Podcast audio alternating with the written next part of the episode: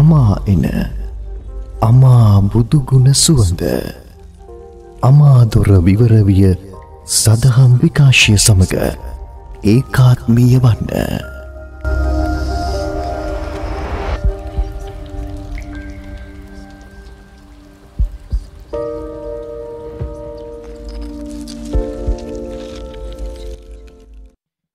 සාධු සාධු සාධු සමන්තාචක්කවාලේසු අත්ත්‍රාගච්චන්තු දේවතා සද්ධම්මං මුනිරාජස්ස සුනන්තු සංගමොක්කදම් ධම්මස්සවන කාලෝ අයං භදන්තා ධම්මස්සවන කාලෝ අයං භදන්තා. ධම්මස්සවන කාලෝ අයං භදන්තා. සුවිසුද්ධ සීලේසු සින්ධූපමස්ස.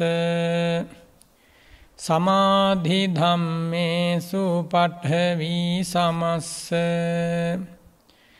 අනන්ත ඥානේසු ගගනූපමස්ස නමාමි සිරසා සිරිගෝතමස්ස පිරිසිදු සිල්කන්ද සමුදුර සේමා නිසාල සමාධිය මිහිකත සේමා. අනන්තඥානය අහසක් සේමා. සිරිපා අභියස පිණිපාවේවා මෝහන්ධකාරේසු සුරියෝපමස්ස.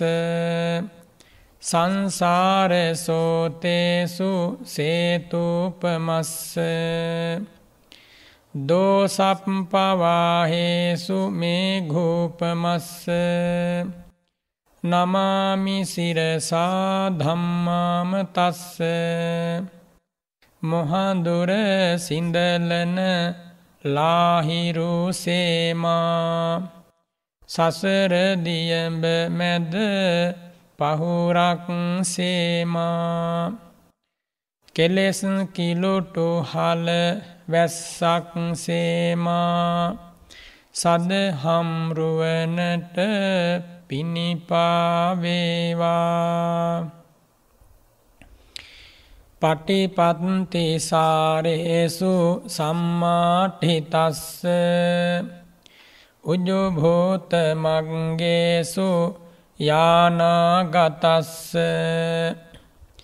කුසලේසු ධම්මේසු කෙත්තුපමස්ස නමාමි සිරසා සුගතෝ රසස්ස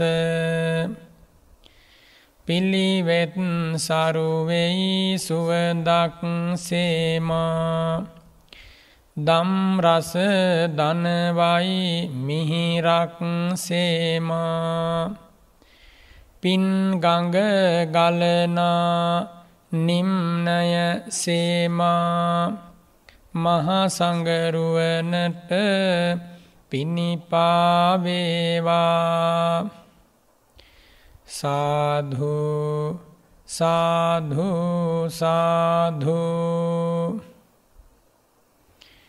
නමෝතස්ස භගවතු අරහතෝ සම්මා සම්බුද්ධස්ස නමෝතස්ස භගවතු අරහතෝ සම්මා සම්බුද්ධස්ස නමෝතස්ස භගවතෝ අරහතෝ සම්මා සම්බුද්ධස්ස පංචානි සංසා සම්මජ්ජනියා සකචිත්තං පසීදති පරචිත්තං පසීදති දේවතා අත්ත මනාහොන්ති පාසාදිකං සංවත්තනිකං පුඤ්ඤං උපචිනාති කායස්ස භේදා පරම්මරණා සුගතින් සංගං ලෝකං උපපජ්ජති ශ්‍රද්ධාවන්ත පින්වතුනි හැමදෙනාම මේ උතුම් දහම් සිසිලසින් සුවපත් වෙත්වා කියලා මම පළමු කොට ආශිර්වාද කරමින් පොහෝදා සද්ධර්ම දේශනාව මෙලෙසින් ආරම්භ කරනවා.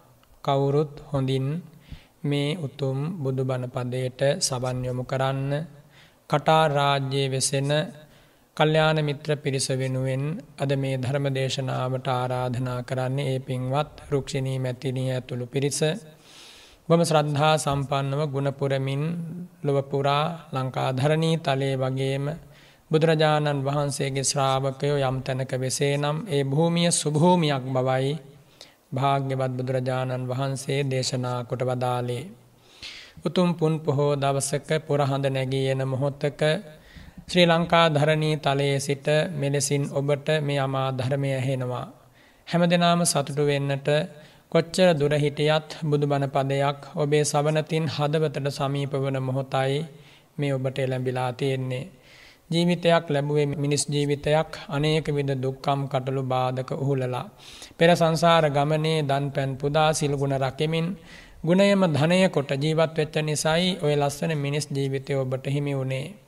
පෙර ඇත සසර ගමන තුළ අමාරු තැන ඉවසලා දුක් සහිත තැන දුක උහුලලා ලෝභීත්වය මතුවන තැන නිර්ලෝභී භාවය ප්‍රගුණ කරලා. වෛරයට විරෝධීව මෛත්‍රී ඇති කරගෙන හිංසනයට විරෝධීව කරුණාව ඇති කරගෙන ඊර්ෂියාවට මසුරුකමට විරෝධීව මුදිතාව ඇති කරගෙනයි ඒ කුසල සංස්කාර ධර්ම බලයෙන් මේ ලස්සන මිනිස් ජීවිතය ලැබුවේ.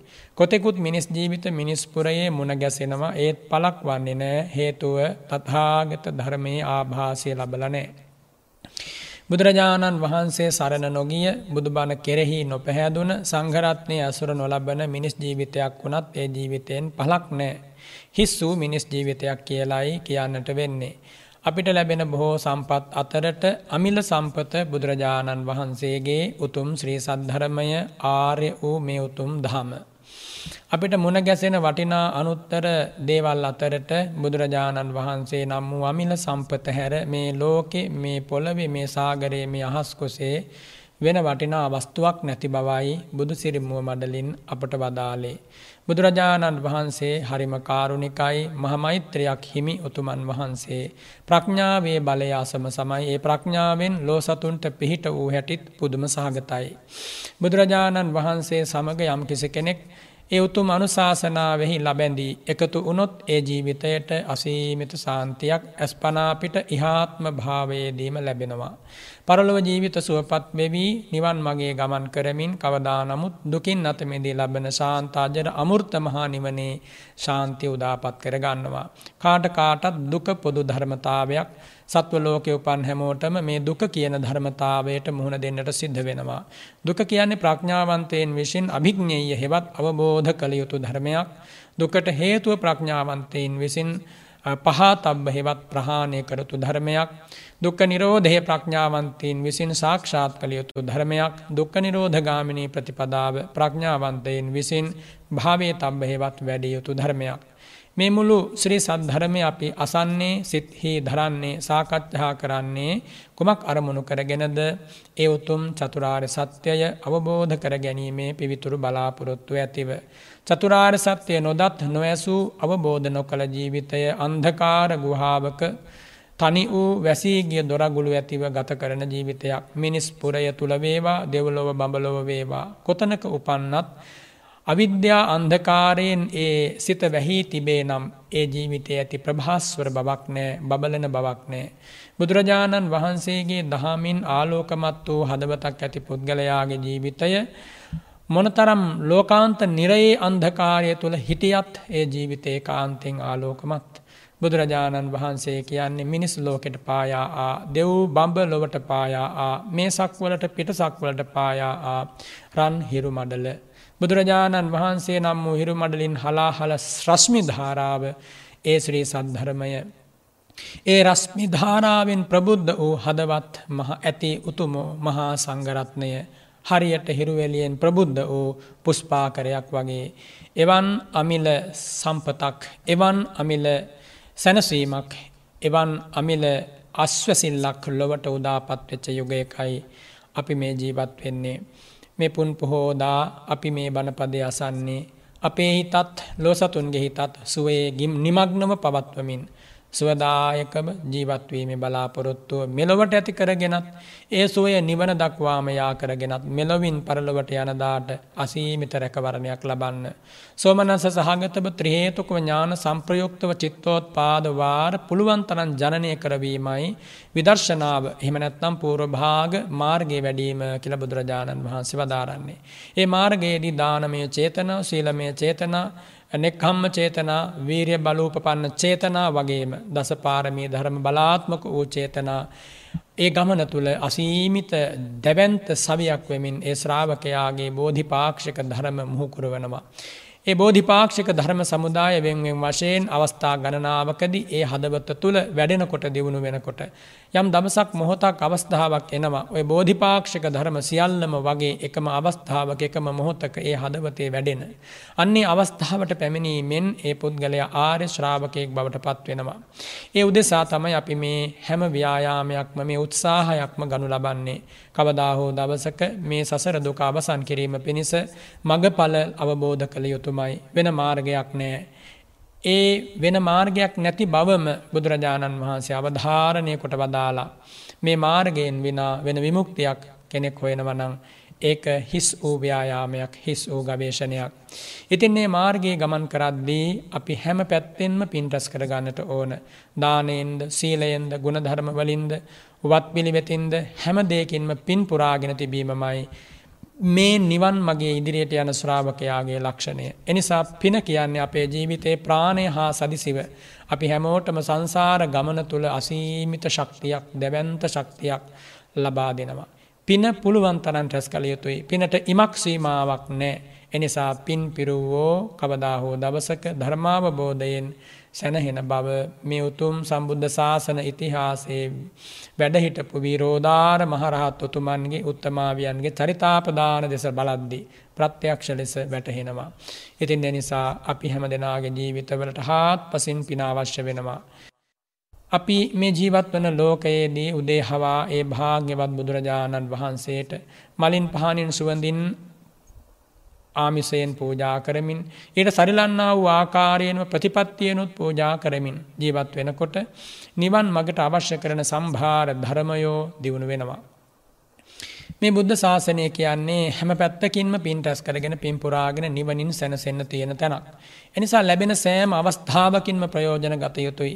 ඉදලක් ඔස්සක් අරගෙන ආරණ්‍ය සේනාසනයක් මළුමන් පෙතක් චෛත්‍ය මළුවක් බෝමළුවක් සංඝාවාසයක් අමදින්නට ලැබුණොත්. ප්‍රමාද නොවී ඒ මොහොතේ මේ දේ කළ යුතුයි. ඒවගේම ස්වාමීන් වහන්ස නමක් වුණ ගැසුණුත් අසුන් පනවා දන් හැන්දක් පූජාකොට බණපදයක් අසා සිත පහදවා ගැනීම ප්‍රමාද නොමී සිද්ධ කළ යුතුයි. ධනයක් මිලක් මුදලක් තියෙන වෙලාවක දානයක් මානයක් පූජා කරගන්නට අවස්ථාවක් සැලසුනොත් ප්‍රමාද නොවී සිද්ධ කළ යුතුයි.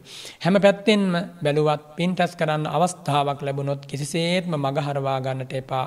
මා පමං්ඥේත පුං්ඥස නමන්තං ආගමිස්සති කියලත් හිතන්නට එපා. මේ පුංචි පින මා කරා පැමිණෙන්නේ නෑ කියල හිතන එක වැරදි. ඒවගේ මා භිත්තරේත කල්්‍යයානේ පාපාචිත්තං නිවාරයේ දන්දංහි කරෝතෝ පුං්ඥම් පාපස්මින් රමතීමනෝ. අද බෑමට කරන්න හෙටයි මම කරන්න මේ පින්කම. ආදී වශයෙන් හෙටට කල්දාන්න එපා. පින් සිද්ධ සිද්ධ කර ගැනීමේ මේ වැඩ පිළිවෙල ධර්මය වැඩීමේ මේ වැඩ පිළිවෙල අද අදම මේ මොහොතට ජීවිතයට ගලප ගලපා. සිතින්ද කයින්ද වතනයෙන්ද ඥාන සම්ප්‍රයුක්තව මේ පින්කම සිද්ධ වන විදිහටයි කටයුතු කළ යුත්තේ අපේ අපේ ජීවිතවල. ඉතින් එනිසා බුදුරජාණන් වහන්සේ උදෙසා අපිට හාත් බසින් මඟ පෙන්වා වදාලා. බුදුරජාණන් වහන්සේ වැඩඉන්න බොහොමියක මහාසෑ සමිදු වැඩඉන්න බොහොමියක බෝධීන් වහන්සේ නමක් වැඩඉන්න බොහොමියක. ස්වාමින් වහන්සේ නමක් වැඩඉන්න බොහොමියක පන්සලක බුද්ධ මන්දිරයක කොතනක හෝවේවා. යම් කිසි කෙනෙක් ඉදලක් කොස්සක් අරගෙන. හරියට රියනෙ රියනෙ කොටුවක් අතු ගෑවොතින් රියනෙ රියනෙ කොටුවක් පිරිසුදු කළතින් එයත් එයාට නිවන් දකින්නට තරම් මහා පිනක් බවට පත්වෙනවා. හැම සම්පතක්ම ලබන්න තරම් මහා පිනක් බවට පත්වෙනවා. මිනිත්තු පහකින් දහයකින් සිත පහදවාගෙන සිදු කරනු ලබන ඇමදීමේ පින්කම මොන තරං ආනිසම්පදායකද කියනවනං බුදුරජාණන් වහන්සේ දේශනා කරනවා පංචානිසංසා සම්මජ්ජනයා යම් කිසි කෙනෙක් බුදුරජාණන් වහන්සේ වැඩඉන්න මහ සංගරත්නය වැඩඉන්න තෙරුවන් වහන්සට වැඩඉන්න භූමියක ඉදලක් ඔස්සක් අරගෙන පිරිසුදු කරමින් මළුව මංපෙත සෑමලුව බෝමලුව අමදිනවා බොහෝම ශ්‍රද්ධාවෙන් ඒ දේ සිද්ධ කරන්නේ. එහෙම පින් රැස් කර ගන්නකොට ඒ පුද්ගලයාට ඒ ඇමදීම මුල් කරගෙනම අනුහස් පහක් ආනිසංස පහක් ලැබෙනවා. මොනවද සකචිත්තම් පසීදති තමන්ගේ හිත පහදිනවා. අනුන්ගේ සිත් පහදිනවා. පරචිත්තම් පසීදති දේවතා අත්තමනාහොන්ති දෙවියෝ සතුටු වෙනවා. ඒ වගේම පාසාධිකන් සංවත්තනිකම් පුං්ඥං උපචිනාති රූප සෝභාව ගෙන දෙන්න මහා පිනක් ජීවිතයට එකතු වෙනවා. ඒ විතරක් නෙමෙයි කායස්ස බේදා පරම්මරණා සුගතින් සක්ගන් ලෝකං උපපජ්ජති කයබිඳී මරණින් මත්තේ සුගති ලෝකයක උපදින්නට පින හේතු වෙනවා. මේ සියල්ලක් සමග අමා නිවනින් සැනසෙන්නටත් ඒ පින හේතු වන බව තථාගතයන් වහන්සේ දේශනා කොට වදාලා. එනිසා අපි හැම දෙනාම අපේ ජීවිතවලින් වත් පිළිවෙත් සම්පාදනය කිරීම මනාම සිද්ධ කළ යුතුයි. ඔබ ඉන්නා නිවසේ ඔබ බුදුරජාණන් වහන්සට වන්දනා කරන්නට යන තැන. හිතන්නට ඕනි බුද්ධ මන්දිරයක් කියලා. තතහාගතයන් වහන්සේ වැඩ සිටින තැනක්. පහනක් පූජා කළත් මනාව පිරිසිදු කරලා. සුවඳ කූරක් දල්වා පූජා කළත් මනාව පිරිසිදු කරලා. ඒ අලුටිකෙන් අපිරිසිදු නොවෙන විදිහට. පැන් පූජා කළත් ඒ පානීය ජලය පූජා කරන මොහොතේදී මනාව පිරිසිදු කරලා. දන්වේලක් පූජා කළත් ඉතාම උසස්සාකාරයෙන් පිරිසිදු කරලා. හැම දෙයක්ම බොහෝම උසස්සාකාරයෙන් කළ හැකි උපරිම පාරිශුද්ධයකින් යුක්තව. දිය හැකි උපරිම ප්‍රමාණයකින් යුක්තව ලෝභකමක් ඇති කරගන්නේ නැතිව. මසුරුකමක් ඇති කරගන්නේ නැතිව ඒ වත්ත සම්පූර්ණ කළ යුතුයි. එනිසා මේ මුළු ජීවිතේම කියන්නේ වත්ත සම්පාදනයක්. පැවිද්දත් ගිහි ජීවිතයක් කියන්නේ ධර්මානු ධර්ම පිළිවෙත් පිරීමක්. එනිසාමයි වත් පිළිවෙත් කිරීම පිළිබඳ බුදුරජාණන් වහන්සේ අනු දැනවදාරන්නේ. ඒ වත් පිළිවෙත් කිරීම අතර ඇමදීම කියලා කියන්නේ. ඉදල් අරගෙන කොහුවරගෙන සෙනසුන් ඇමදීම චෛත්‍යස්ථාන ඇමදීම බෝමලු ඇමදීම ඒ වගේම චෛත්‍යමලු ඇමදීම සංඝයා වහන්සේ වඩින මාර්ගයන් ඇමදීම මලු ඇමදීම මේ වාගේ දේවල් අපි හැම දෙනාම පුළුවන් හැම වෙලාවකම සිද්ධ කරගන්නට ඕන මේ ජීවිතය කියන්නේ ඈත දුරකට යන වන්දනා ගමනක්. ඒ වන්දනා ගමනේ නොයෙක් සිදුවීම් දකින්නට ලැබේවි.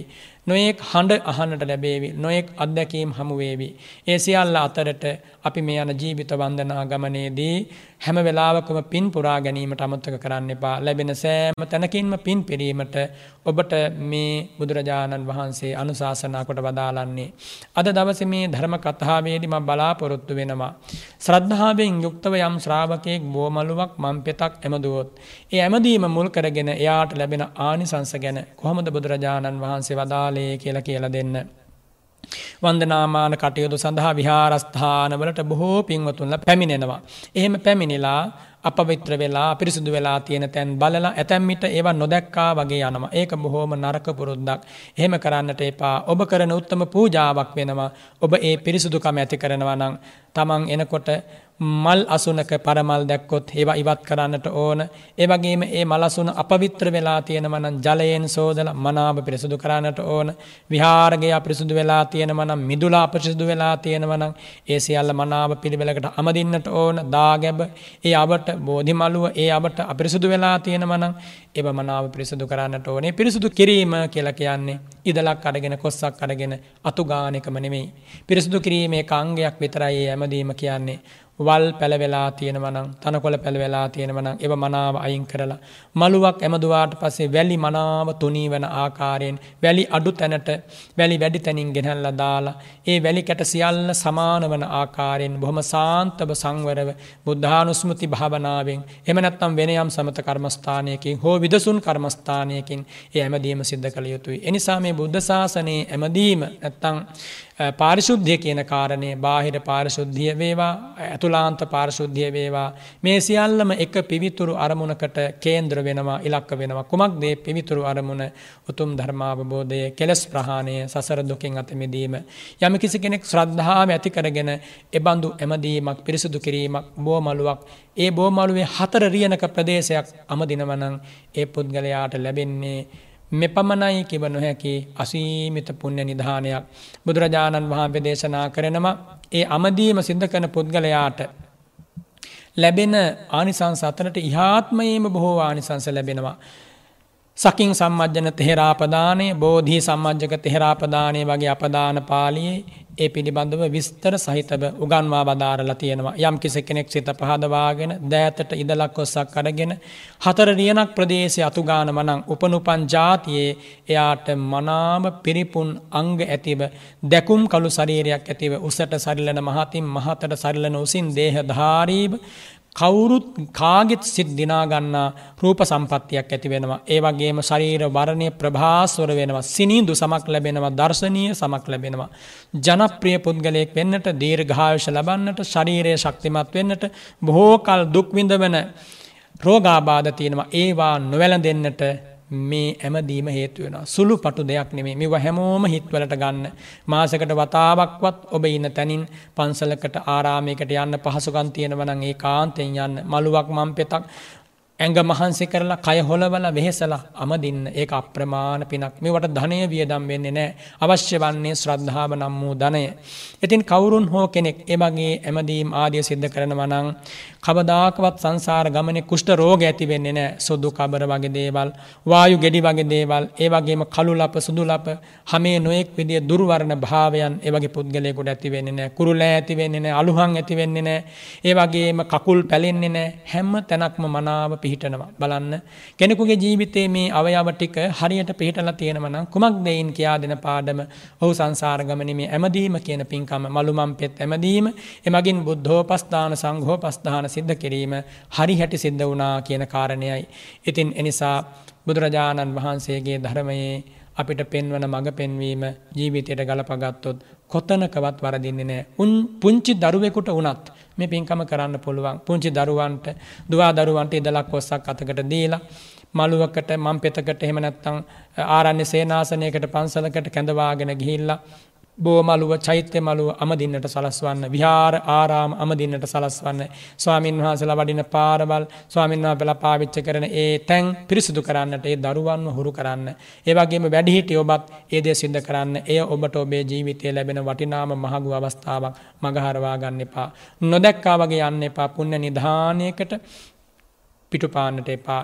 ඉතින් එනිසා භාග්‍යවතුන් වහන්සේ දේශනා කරනවා ඒ විදියට සංසාර ගමනේදී අසීමිත සැනසීමක් ලබන්නට හේතු වෙනවා මේ ඇමදීම. ඒ වගේම කාගේ හරි ශරීරයක කුෂ්ඨ රෝග තියෙනවා නම්, හොරි දද කඩු වේගන් වගේ රෝග හැදිලා තියෙනවා නම්, එයා කරන්නට ඕනි පුළුවන් තරම් බෙහෙත් හොය හොයා පසුතැවි පසුතැවි ඉන්න එක නෙමෙයි. හැමදාකම වගේ බෝමල්ලුවක් චෛත්‍ය මල්ලුවක් සංඝාරාමයක් පිරිසිදු කරන්න අවස්ථාව හදාගන්න. ඒවාගේ රෝගාබාධ දහස් ගණනක් සුව වෙනම මෙලොවට විතරක් නෙමෙයි නිවන දක්වාම. එනිසා මේ ඇමදීම කියලා කියන්නේ පුංචි පින්කමක් නෙමෙයි අතුපතු ගෑම අපි ගෙවල් දොරවල් අතුපතු ගානවා. ඒ වගේම මහා මාර්ග අතුපතු ගානවා නොඑක් තැන් පිරිසිදු කරනවා. ඒ පිරිසිදු කිරීම තුළින් කුසලයක් සිද්ධ වෙනවා කියලා ඒකාන්තයෙන් කියන්න බෑ. හැබැයි බුදුරජාණන් වහන්සේ වැඩ ඉන්න තැනක භාග්‍යවතුන් වහන්සේගේ ශ්‍රාවක මහා සංඝරත්නය වැඩ ඉන්න තැනක අපිරිසුදු වෙලා තියෙනවා නම් එකම කොලයක් හෝ මල පඬරලාවක් හෝ අයින් කිරීම තුළින් එයාට කල්ප ගණනකට ඒ පින බලවත් ලෙස එයාගේ හදවතේ ජනිත වෙනවා. ඉතින් එනිසා බුදුරජාණන් වහන්සේ දේශනා කරනවා කායික දැකුම් කළු භාවයට වගේම මානසික පාරිශුද්ධියටත් ඔය මලුමන් පෙත් ඇමදීම හේතු වෙනවා කියලා. මේ හිතා පිරිසුදු කරන ධර්මතා තමයි ලෝභ ද්වේෂ මෝහ මාන දිට්ඨි කියලා කියන්නේ. මෙන්න මේ කෙලෙස් ධර්ම දුරුනොත් විතරයි හිත පිරිසුදු වෙන්නේ. විචිකිච්ඡාව වගේ අකුසල ධර්මයන් ප්‍රහාණය කළ යුතුයමයි මේ ධර්ම මාර්ගයේ දියුණුවක් ලබන්නට බලාපොරොත්තු වන ශ්‍රාවකයා. ඉතින් ඒ වගේ කෙනෙක් මලුමන් පෙත් ඇමදලා බෝමලු සෑමලු ඇමදලා එයා හිතුවොතින් මේ සෑමලුව බෝමලුව පිරිසුදු කළා හා සමානව මගේ හිතත් පිරිසිදු වේවා. අකුසලය දුරු වේවා චිත්ත පාරිශුද්ධිය ඇති වේවා. එහෙම හිතුවොත් කවදා හෝ දවසක යාට චිත්ත පාරිශුද්ධිය ලබන්නට ඒක ඒකාන්තයෙන්ම හේතු වෙනවා. චිත්ත පාරිශුද්ධිය කියලා කියන්නේ කෙලෙසුන් ප්‍රහාණය වීමෙන් ලැබෙන උතුම් විමුක්තිය ඒ විමුක්ති සුවේ හොයාගෙන යන කෙනා ඒ සඳහා අවශ්‍ය හේතු සම්පූර්ණ කරනවා නම් ඒකාන්තයෙන් කළ යුත්තේ කුමක්ද? මලු මම් පෙත් හැමදීම විහාරාරාම සංඝාරාම පිරිසුදු කිරීම ඇතුළු වත් පිළිවෙත් මනාව සම්පාදනය කරන්නට ඕන. කම්මැලි වෙන්නට එපා. උදෑසන අවදි වෙන්න බුදුරජාණන් වහන්සේ වෙත බුද්ධ පූජා පූජා කිරීම් ආදී වශයෙන් සෑම දෙයක්ම පිරිසිදුව ඕනෑ කමින් කරන්න. තමන්ගේ නිවසේ හෝවේවා බුදුරජාණන් වහන්සේ වැඩඉන්න ඒ තැන ඒ බුද්ධ මන්දිරේ මනාව පිරිසිදු කිරීමෙන් පහනක් වුණත් පූජා කරද්දි සුවඳක් වුණත් පූජා කරද්දි දංවේලක් වුණත් පූජා කරද්දි හොඳම ආකාරයෙන් උසස්ම ආකාරයෙන් පිරිසිදුම ආකාරයෙන් කරන මනම් එයාට අර ආනිසංස ටික ලැබෙනවා. එනිසා හිතන්නට එපා මෙම සිද්ධ වෙන්නේ නෑ කියලා. ඔබ බුදුරජාණන් වහන්සේ ඔබේ නිවසේ ඒ බුදු මැදුරේ වඩම්ම වාගෙන. ඒ කරන දේ තුලින් උනත් මේ මහා පින ජනිත වෙනවා. ඒ පිරිසුදු කිරීමෙන් වත් පිළිවෙත් කිරීමෙන් මේ කියන තම සිත පහදිනව අන්න අයගේ පිත පහදින දෙවියෝ සතුටු වෙන ඒ වගේම සසර ගමනේ දර්ශනීය රූපයකට දර්ශනීය පැහැබර සිතකට ඒ වගේම හේතු වෙන විදිහේ පිනක් එමගින් ජනිත වෙනවා. සුළු නෑ පටු නෑ එනිසා මේ දේවල් ආදරයෙන් භක්තියෙන් සිද්ධ කළ යුතුමයි ගිහි පැවිදි අපි හැම දෙනාම සාර්ථක පැවිද්දෙක් වෙන්නට නම් මනාව වත් සම්පාදනය කළ යුතුයි.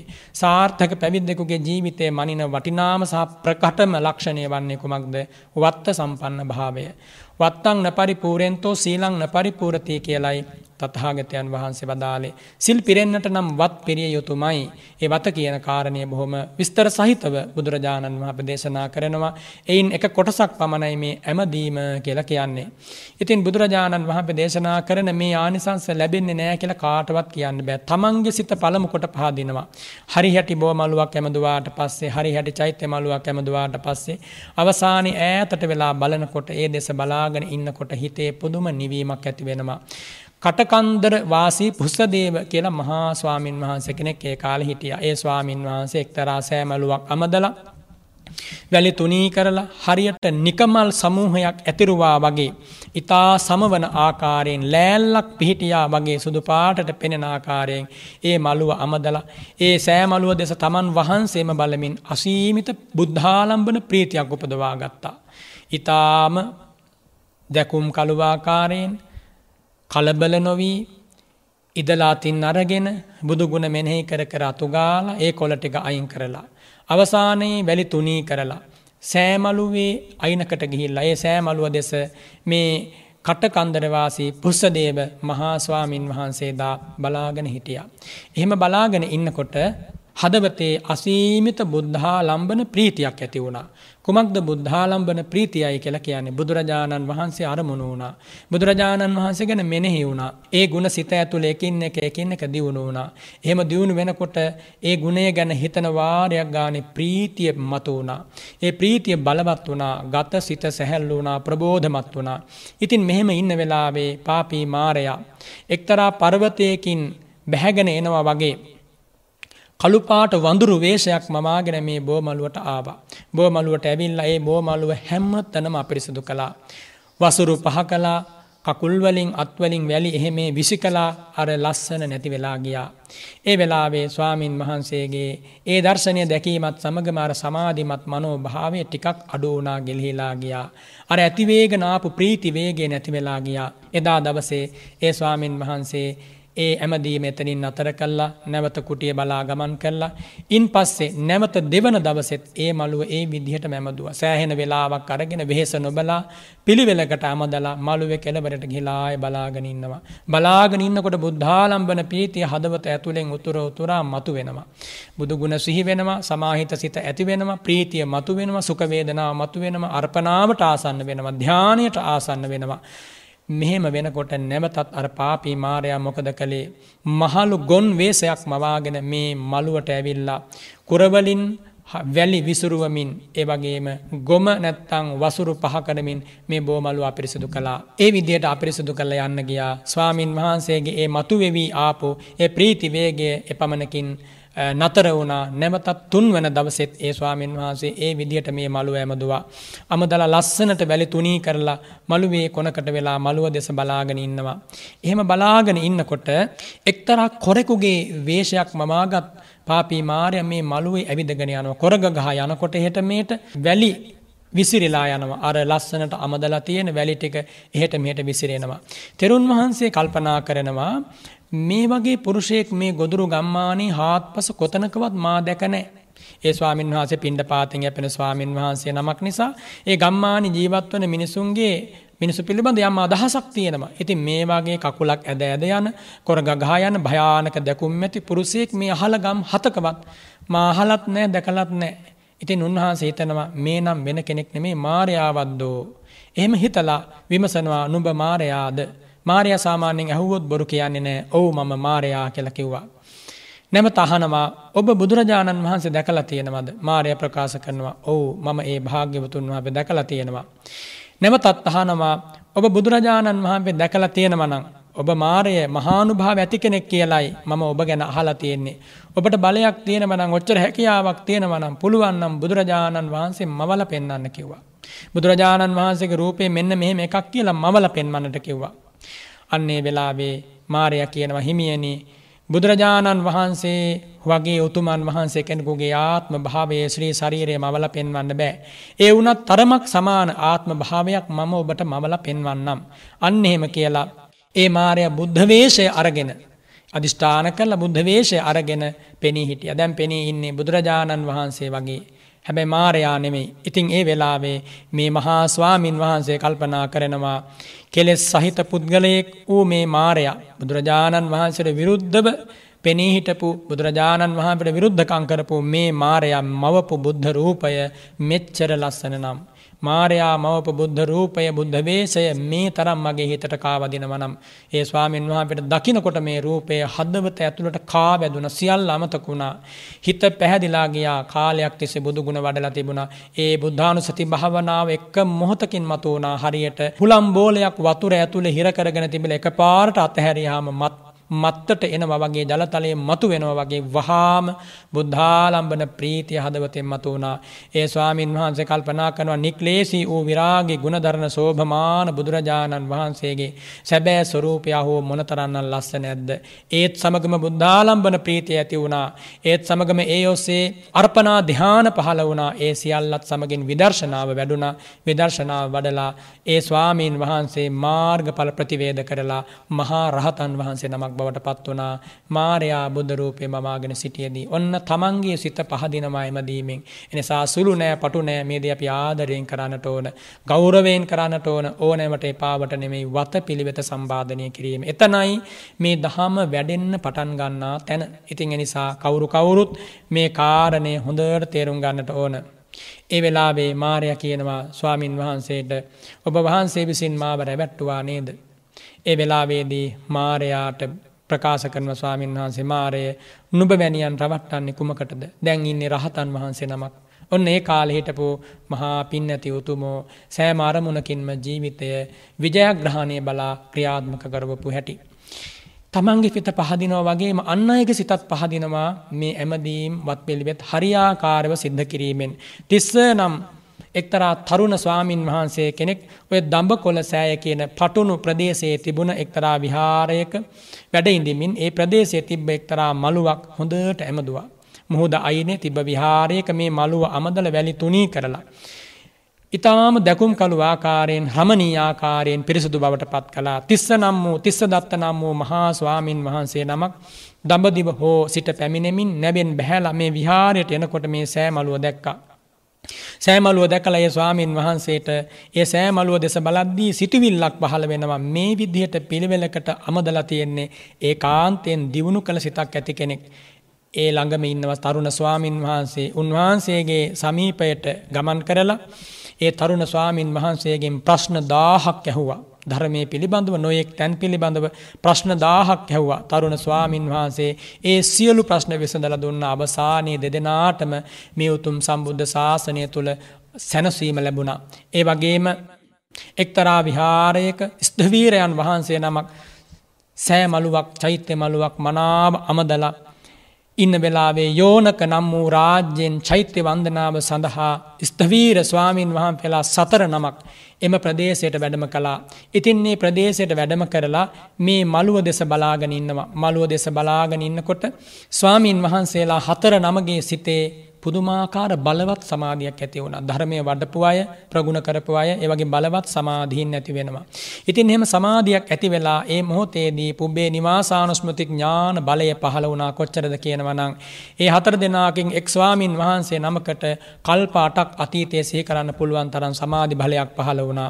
අනෙක් ස්වාමින් වහන්සේට කල්ප 16ක් සිහිපත් කරන්නට පුළුවන් තරම් සමාධි බලයක් පහළ වුණා. තවත් ස්වාමින් වහන්සේ නමකට එතන හිටපු 20 කල්පයක් සිහි කරන්නට පුළුවන් තරම් සමාධි බලයක් පහළ වුණා. අනික් ස්වාමින් වහන්සේට හතරවන ස්වාමින් වහන්සේට අතීතයේ කල්ප 30ක් සිහි කරන්න පුළුවන් තරම් ඥාන දර්ශනයක් පහළ වුණා. එනිසා සුළුපටු නෑ මේ උතුම් බුද්ධ ශාසනයේ ඉදලක් කොස්සක් අරගෙන මළුවක් මං පෙතක් කැමදීම මේවා කවුරුත් හඳුනා ගන්නට ඕන දේවල්. දෙවියෝ සතුටු වෙනවා කියලා මා ඔබට ප්‍රකාශ කරානි බුදුරජාණන් වහන්සේ වදාලා කියලා. කවුරු හරි කෙනෙක් මළුවක් අමදලා තියෙනවා නම් පිරිසිදුවට දෙවිවරු ඒ දෙස බලනවා. බලලා ඇත්තටම සතුටටපත් වෙනවා. එක්තරා විහාරයක ස්වාමින් වහන්සේ නමක් චෛත්‍ය මළුවක්ද බෝ මළුවක්ද මනාව අමදලා ස්නානය කිරීම පිණිස ජල ස්නානය කිරීම පිණිස පැම් පහසු වීම පිණිස ගමන් කළා.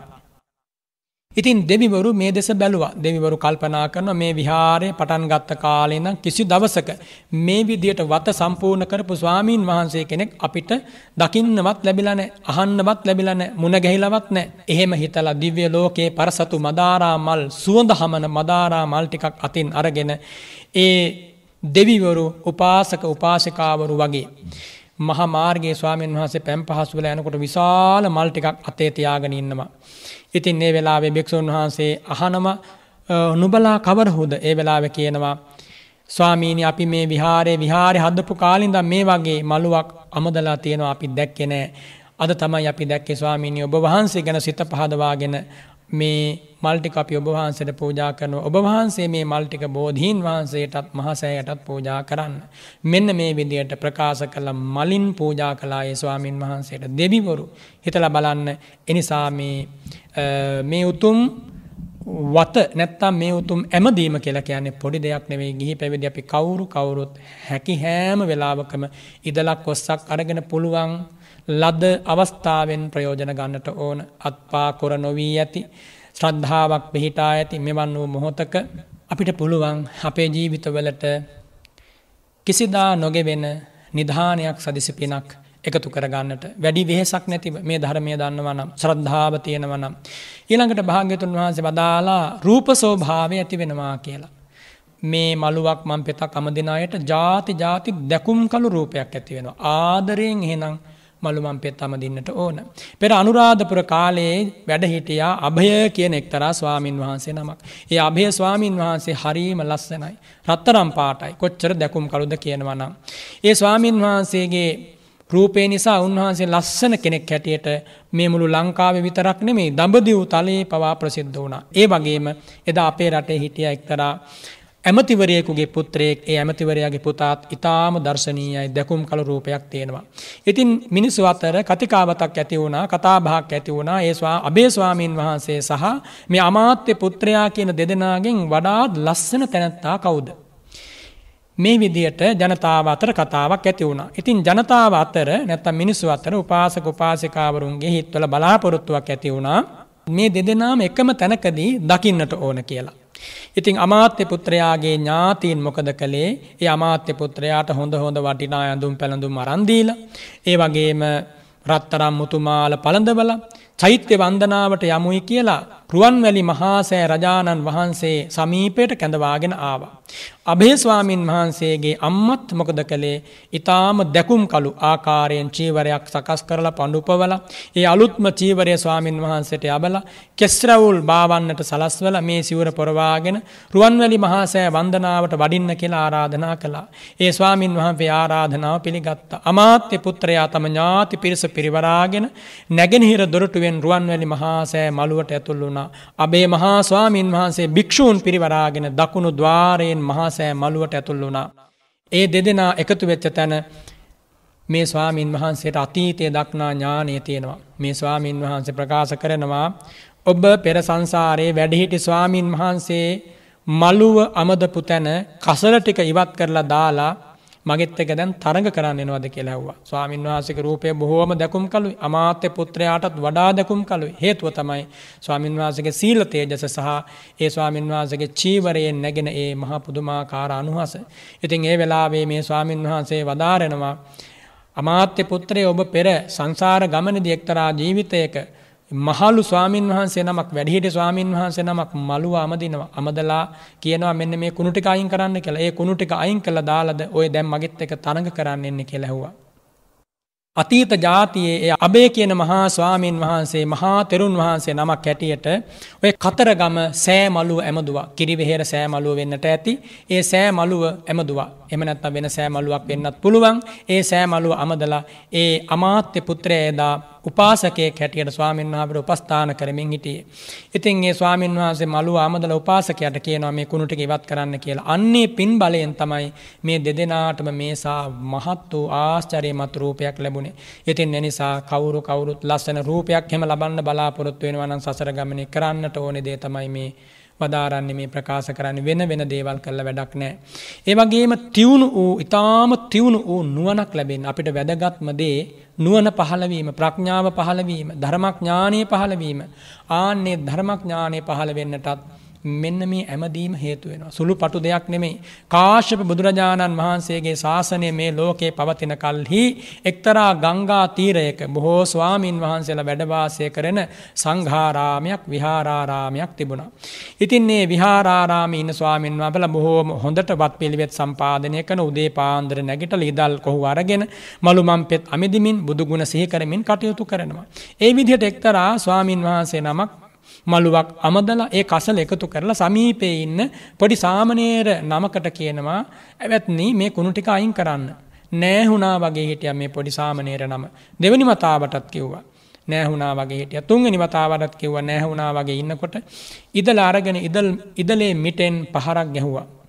ඒ වෙලාවේ මේ සාමනේර නම බිය වෙලා හොඳටම අඬමින් මේ කසල ටික අරගෙන සුදුසු තැනකට ඉවත් කරලා ඉන්න අනතුරුව මේ සාමනේර නම හිතනවා. මේ කසල ඉවත් කිරීමේ පිනෙන් මම නිවනට පැමිණෙන ජාති දක්වාම උපදින උපදින සෑම භවයකම නභෝ මධ්‍යගත සූර්යාසේ අහස් මුදුනට පැමිණි සූරයාසේ මහා තේජස් ඇති කෙනෙක් වේවා කියලා ප්‍රාර්ථනා කළා.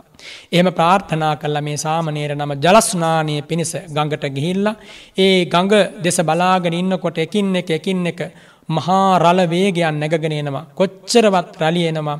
ඒ රැලි නතර වෙන්නේ නැහැ. ඉන් අනතුරුව දෙවන වතාවටත් ඒ සාමණේර නම ප්‍රාර්ථනා කරනවා මතු උපදින ಜಾති ಜಾති මේ රළ වේගයේ බගේ ස්ථානෝචිත ප්‍රඥා බලයක් මට ලැබේවා ක්ෂය නොවෙන නොගෙවෙන ප්‍රඥා බලයක් මට ලැබේවා ලැබේවා කියලා මේ සාමණේර නම ප්‍රාර්ථනාවක් කළා. කුණු ටික ඉවත් කරලයි මේ ප්‍රාර්ථනාව කළේ. ආන්නේ ඒ සාමණේර නම ජල ස්නානය කරන වෙලාවේ ඒ ජලස්නානය කරමින් ඒ ස්ථානයේ ඒ ප්‍රාර්ථනාව කරනවා අර මළුව අමදපු වැඩිහිටි ස්වාමින් වහන්සේට ඇහුණා. ඒ වැඩිහිටි ස්වාමින් වහන්සේ ඒ කාරණය හොඳට මෙනෙහි කරලා උන්වහන්සේ හිතනවා මා අමදලා ඉවත් කරපු කුණු ටික මේ සාමනීර නම මා අමදලා දීපු කුණු ටික ඉවත් කළා ඉවත් කරලා මොහු මේ තරම් මහත් දෙයක් සිද්ධ වේවා කියලා ප්‍රාර්ථනා කරනවා. මමත් ඊට වඩා දෙයක් ප්‍රාර්ථනා කරන්නට ඕන කියලා ඒ ස්වාමීන් වහන්සේ හිතනවා නිවනට පැමිණෙන තුරු මම උපදින උපදින જાතියේ මේ රළ වේගයෙන් නොගෙවෙන නුවණැත්තෙක් වේවා. මොහුගේ සියලු විද මොහු අහන යම් ප්‍රශ්නයක් වේ නම් මතු යම් දිනක. මොහු නංවන යම් තරකයක් වේ නම් මතු යම් දිනක. ඒ සියලු තරකයන් මුලිනුපටා දමන්නට ඒ තරකයන් සිඳබිඳ දමන්නට සමත් මහා ප්‍රඥාවක් මට හිමි වේවා කියලා. ඒ මහා ස්වාමින් වහන්සේ ප්‍රාර්ථනා කළා. ලොකු ස්වාමින් වහන්සේ තමයි ඒ ප්‍රාර්ථනා බලයෙන් නාගසේන මහරහතන් වහන්සේ නමින් පහළ වුණේ. ඒ සාමණේර නම තමයි ඒ කාලයේම මිලිඳු මහා රජතුමා නමින් දඹදිව පහළ වෙලා මහාවාදී වූ ප්‍රකට වූ ප්‍රබල වූ රජෙක් වුණේ ඒ රජතුමා අසන ලද සියලු ප්‍රශ්නවලට නාගසේන මහරහතන් වහන්සේ පිළිතුරු දීලා රජතුමා දමනය කළලා රජතුමා පැවිදි කරලා රජතුමාට රහත් ඵල විමුක්තිය ලබා දුන්නා. එනිසා නුවණ ලැබෙනවා කියන එක මේ උතුම් පින් බලයෙන් හිමිවන දෙයක්. එහෙනම් බලන්න ඉදලක් කොස්සක් අරගෙන කවුරුන් හෝ මළුවක් මම්පෙතක් ඇමදුවොත් මෙච්චර වටිනා ලාභයක් ලැබෙනවා. මොනවද? තමන්ගේ හිත පහදිනවා. බලන්නන්ගේ සිත් පහදිනවා. ඒ වගේම දෙවිවරු සතුට වෙනවා. ලස්සන දැකුම් කළු රූපයක් ලැබෙනවා ප්‍රභාස්වර ඒ වගේම අසීමිත ඥානයක් පහළ වෙනවා. මේ ආනිසංස පහම ලැබෙන්නේ කුමකින්ද මේ බුද්ධ ශාසනය තුළ සිදු කරනු ලබන පින් බලයෙන්. ඉතින් නිසා මෙම සුළු පටු වශයෙන් තකන්නට එපා හැම දෙනාම හිතට ගන්නට ඕන මේ දීපු අබවාද මේ දෙන අනුශාසනා ඔබ දුරරටක හෝවේවා ලක් ධරණී තලය හෝවේවා කොතනක හෝවේවා.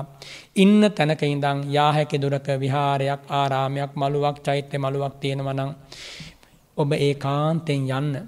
සතියකට වතාවක් යන්න හරිනම් හැමදාම යන්න බැරිනම් සතියකට වතාවක්වත් ඒත් බැරිනම් මාසකට වතාවක්වත් ඒත් බැරිනම් මාස දෙකතුනකට වතාවක්වත් යන්න ගිහිල්ලා මළුවක් මං පෙතක් ඇඟ වෙහෙසල අතුගාන්න පිරිසිදු කරන්න ඉතා හොඳින් පිරිසිදු කරන්න කුණු කසල දැකලා කිලිටි වූ මල් අසුන් දැකලා කිලිටි වූ සෑ මලු බෝමලු දැකලා පිටු පාලයන්න එපා පාඩු වෙන්නේ නෑ ඔබ යම් කිසි වෙලාවක ඉබඳු වතක් සම්පාදනය කරගත්තොත් ඒ ඔබේ සැනසීමට හේතු වෙනවා. මම මේ කාරණය සීපත් කළේ අද බොහෝ බෞද්ධ ජනතාව හරියට වත් පිළිවෙත් කරන්නට දන්නේ නෑ. පහනක් පූජා කළත් ඔහේ දැලිකුණු පිටින්ම පූජා කරනවා. සුවඳ කූරක් පූජා කළත් ඔහේ දැලිකුණු පිටින්ම පූජා කරනවා. තිර අලුත් කරන්නේ නෑ පහන් පිරිසිදු කරන්නේ නෑ. ඒ වගේම තෙල් එහෙ මේ ඉහිරවනවා මල් වට්ටියක් හදලා පූජා කළත් ඒක මල් ටික හරියට පිළිවෙලට තැම්පත් කරන්න බොහෝ දෙනා එහෙම කරන්නට එපා.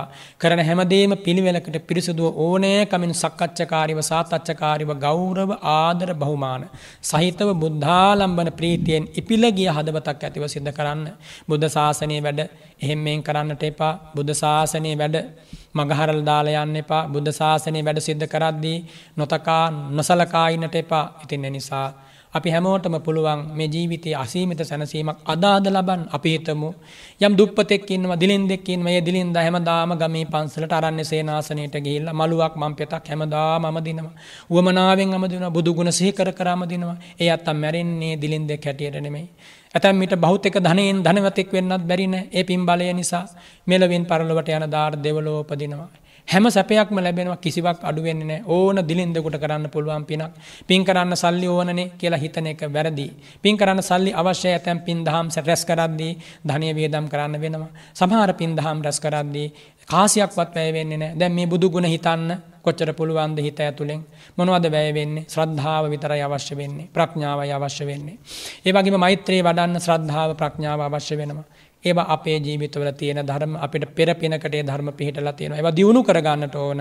ඒවා නැති වෙන්නට නොදී. ඒ නිසා කවුරු කවුරුත් මේ පුන් පොහෝ දවසේ ඉන්න දිහාවක ඉඳන් ඉන්න රටක ඉඳන් බුදු ගුණ හොඳට වඩන්න. මේ රාත්‍රිය පුළුවන් නම් මේ බණ කතාවෙන් පස්සේ හෙට උදෑසන වෙනකන් කෙනෙකුට පුළුවන් නම් බුදු ගුණ වඩන්න නොනිදා ඔබ වාසනාවන්තයෙක්. පුළුවන් නම් හෙට උදෑසන වෙනකන් නොනිදා මේ බණ කතාව අහලා මෛත්‍රිය වඩන්න ඔබ වාසනාවන්තයෙක්.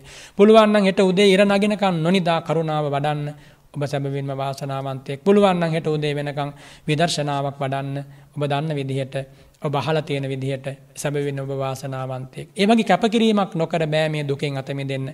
ඒ අදිෂ්ඨානයේ හෙට පිහිටුවන්න හිටියොත් ඔබ වයස්ගත වෙලා අත්පා අකර්මන්නේ වෙලා කොඳු කුද වෙලා ඒ වගේම එහෙම වෙලාවක ඒ වීරිය වඩන්න බෑ. අද තාම ඔබේ අත්පා හොඳයි. ඇවිදලා යන්න එන්න පුළුවන් මේ වෙලාවේ නින්දට යට නොවී මේ වෙලාවේ පාපයට යට නොවී මේ වෙලාවේ කාමයට යට නොවී කාමයෙන් නික්මෙන්න. එනෙක් හම පාරමිතාව පුරණ රාත්‍රියක් බවට පත් කරගන්න අද රාත්‍රිය. මේ උතුම් පුන් පොහෝ දවස ඒ උදෙසා හේතු වේවා. ඔබ සියලු දෙනාට උතුම් ධර්මාවබෝධය පිණිස මේ බණ කතාව හේතු වේවායි මම ප්‍රාර්ථනා කරනවා. කටා රාජ්‍යයේ වෙසෙන ඒ පින්වත් පිරිස සියලු දෙනා කල්්‍යයාන මිත්‍ර එකතු වෙලයි මේ ධර්මානු ශාසනාව සිද්ධ කරවා ගන්නේ. ඉතින් ඒ හැම දෙනාටම සෙතක් වේවා ශාන්තියක් වේවා කල්්‍යයාන මිත්‍ර ඇසුර හැම දෙනාටම ලැබේවා. නිදුක් නිරෝගී භාවය ලැබේවා. කටාරාජ්‍ය වෙසෙන ශ්‍රී ලාංකික පිරිස ප්‍රමුඛ ලක් වැසිලෝ වැසි හැම දෙනාට නිදුක් නිරෝගීසුව ලැබේවා. දිගාසිරි ලැබේවා කියලා යත්තු ප්‍රාර්ථනා කරනවා. ඒ වගේම හැම දෙනාගේ ජීවිතවලට හා ඉතා ඉක්මනින් සුවපත් භාවයම ලැබේවා. නිවන් දක්නා ජාති දක්වා කිසිවෙක් අකල් මරණයන්ට ගොදුරු නොවේවා ගෙන ඒ කාරුණික ප්‍රාර්ථනය ඒ අත්තෝ සිද්ධ කරනවා මේ පින් ටැස්කර ගැනීමෙන් මේ ධර්මය අහලා. ඒ වගේ මේ හැම දෙනාගේම සුජීවත්ව වාසය කරන දෙමව්පියන්ට මේ පින් අනුමෝදම් වේවා අයිති වේවා කියලා පින් පමුණුවනවා. එදා මෙදා තුන ශ්‍රී ලංකා ධරණී තලය රැකගන්නට මාතෘ භූමියේ අයිතිය සුරකින්නට සම්බුද්ධ ශාසනය රකින්නට ලේ වැගිරු සිරු රණවිරුවන් සහිකර කරපින් අනුමෝදං කරනව ඉතාම වැදගත්කාරණයක් ඒවගේ මෙදා මෙදාතුර ලක් බුදු සසුන සුරකින්නට දිවි පරදුවට තබා කටයුතු කළ අති පූජනීය ස්වාමින් වහන්සේලාට මේ පින් අයිතිවේවා. එවගේම දැඩි රෝගාතුර අවස්ථාවක පෙළෙනඩී අසවතී මාතාවට රාමචන්දන් මහත්මාට සෝමපාල පෙරේරා මහත්මාට බිසෝමැනිකා මාතාවට ඉක්මන් සුවය ලැබේවා කියලා. ඒ අත්තු බොහෝම මෛත්‍රියෙන් ප්‍රාර්ථනා කරනවා. මිය පරලොවගිය සිරු ඥාතීන්ට. ඒවගේම විශේෂයෙන් නම් සඳහන් කරනවා. ආනන්දියන් අජිත් අටළුගම මාධව ජයතිස්ස සරජ්ජයවර්ධන පියසේන කාරිය වසම් සහ චන්ද්‍රදාස රාජපක්ෂ යන අයට නම් සඳහන් කරලම ඒ අත්තු පින් අනුමෝදන් කරනවා. අනන්ත සසර පටන් මේ මොහොත දක්වාම අපේ ඔබේ නමින් මේ පරල වගේ සියලු ඥාතීන්ට පින් අනුමෝදන් කරන අනුමෝදම් වේවා. මේ උතුම් ධර්මය අපට උගන්වා වදාළ ගුරුතුම ආචාර්යවරු. ඒ උතුම හැම දෙනාම මේ ධර්ම ශක්තියේ බලයෙන් සුවපත් වේවා. දේශකයන් වහන්සේ ඇතුළු මහා සංඝරත්නයටත් නිදුක් නිරෝගී සුව ලැබේවා. ප්‍රාර්ථනීය බෝධියකින් සාන්තමා නිවනින් සැනසෙන්න ලැබේවා. අමාදොර විවරවිය සදහම් පදනමේ සිලු දෙනාටමත් ඒ සදහම් විකාශය සිලු දෙනාටමත් මෙපින් බලයෙන් සෙතක් ශාන්තියක් වේවා. හැම දෙනාගේ ජීවිතවලට සුවයම ලැබේවා ශාන්තියම ලැබේවා සැනසීමම ලැබේවා ආරක්ෂාවම ලැබේවා. සතරවරම් දෙවරාජවරුන් සක්දෙව් රජතුමා මෛත්‍රී මහ බෝසතාණන් වහන්සේ ඇතුළු සිරු දෙවියෝ මේ පින් අනුමෝදම් මෙත්වා පවත්වී වදාළ කඩවැද්දූවේ ශ්‍රී ජිනවංශ ස්වාමින් වහන්සේ මාතර ශ්‍රී ඥානාරාම ස්වාමින් වහන්සේ නාවගෙන අරිය ධම්ම මහා ස්වාමින් වහන්සේ ඇතුළු සංඝ පීත්‍රූන් වහන්සේලා ඒ වගේම කොටුකොට ධම්මාවාස මහානායක ස්වාමින් වහන්සේටත් මේ පින් අයිති වේවා කියලා අපි පින් අනුමෝදන් කරනවා. ඉදං වෝ ඥාති නං හෝතු සුඛිතා හොන්තු ඥාතයෝ ඉදං වෝ ඥාති නං හෝතු සුඛිතා හොන්තු ඥාතයෝ ඉදං වෝ ඥාති නං හෝතු සුඛිතා හොන්තු ඥාතයෝ. එත්තාවතාච අම්මේහි සම්භතං පුඤ්ඤ සම්පදං. සබ්බේ දේවා අනුමෝදන්තු සබ්බ සම්පත්ති සිද්ධියා. සබ්බේ භූතා අනුමෝදන්තු සබ්බේ සත්තා අනුමෝදන්තු සබ්බ සම්පත්ති සිද්ධියා. ආකාසට්ඨා ච බුම්මට්ඨා දේවා නාගා මහිද්దికා. පුඤ්ඤන්තං අනුමෝදිත්වා චිරං රක්ඛන්තු සම්බුද්ධ ශාසනං චිරං රක්ඛන්තු සම්බුද්ධ දේශනං චිරං රක්ඛන්තු සම්බුද්ධ ශාවකං චිරං රක්ඛන්තු ත්වං සදාති. ධර්මශ්‍රවනානි සංස බලයෙන් කටාර් රාජ්‍යයේ වෙසෙන ඒ පින්වත් රුක්ෂිණී ඇතුළු සියලු දෙනාම ඒ වගේම ශ්‍රී ලංකා ධරණී තලයේ සියලු ශ්‍රද්ධාවන්තයෝ මේ බණපදය ඇසු ලෝවාසී ලක්වාසී හැම දෙනාම සැදහෙන් මේ බණපදය ඇසුව. සියලු දෙනාට මේ පින් බලෙන් සාන්ත අමසුවය දක්වා සියලු සැනසීම ලැබේවා කියලා මම මහා සංඝරත්නය වෙනුවෙන් මෙසේ ආශිර්වාද කරනවා. ඔබට ආශිර්වාදය ලැබේවා. ඔබ සුවපත් වේවා. ඔබ අමාසුවයෙන් සුවපත් වේවා. අභිවාදන සීලිස්ස නිච්චං වද්ධා පචායිනෝ චත්තාරෝ ධම්මා වඩ්ඩන්ති ආයුවන්නෝ සුකං බලං ආයු ආරෝග්‍ය සම්පatti සග්ග සම්පatti මේවච අතෝ නිබ්බාන සම්පatti ඉමිනාතේ සමිජ්ජතු සාධු සාධු සාධු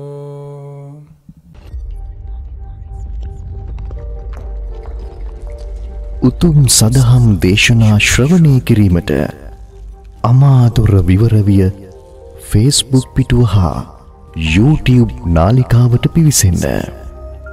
ධර්මශ්‍රවණය කළ ඔබ සියලු දෙනාට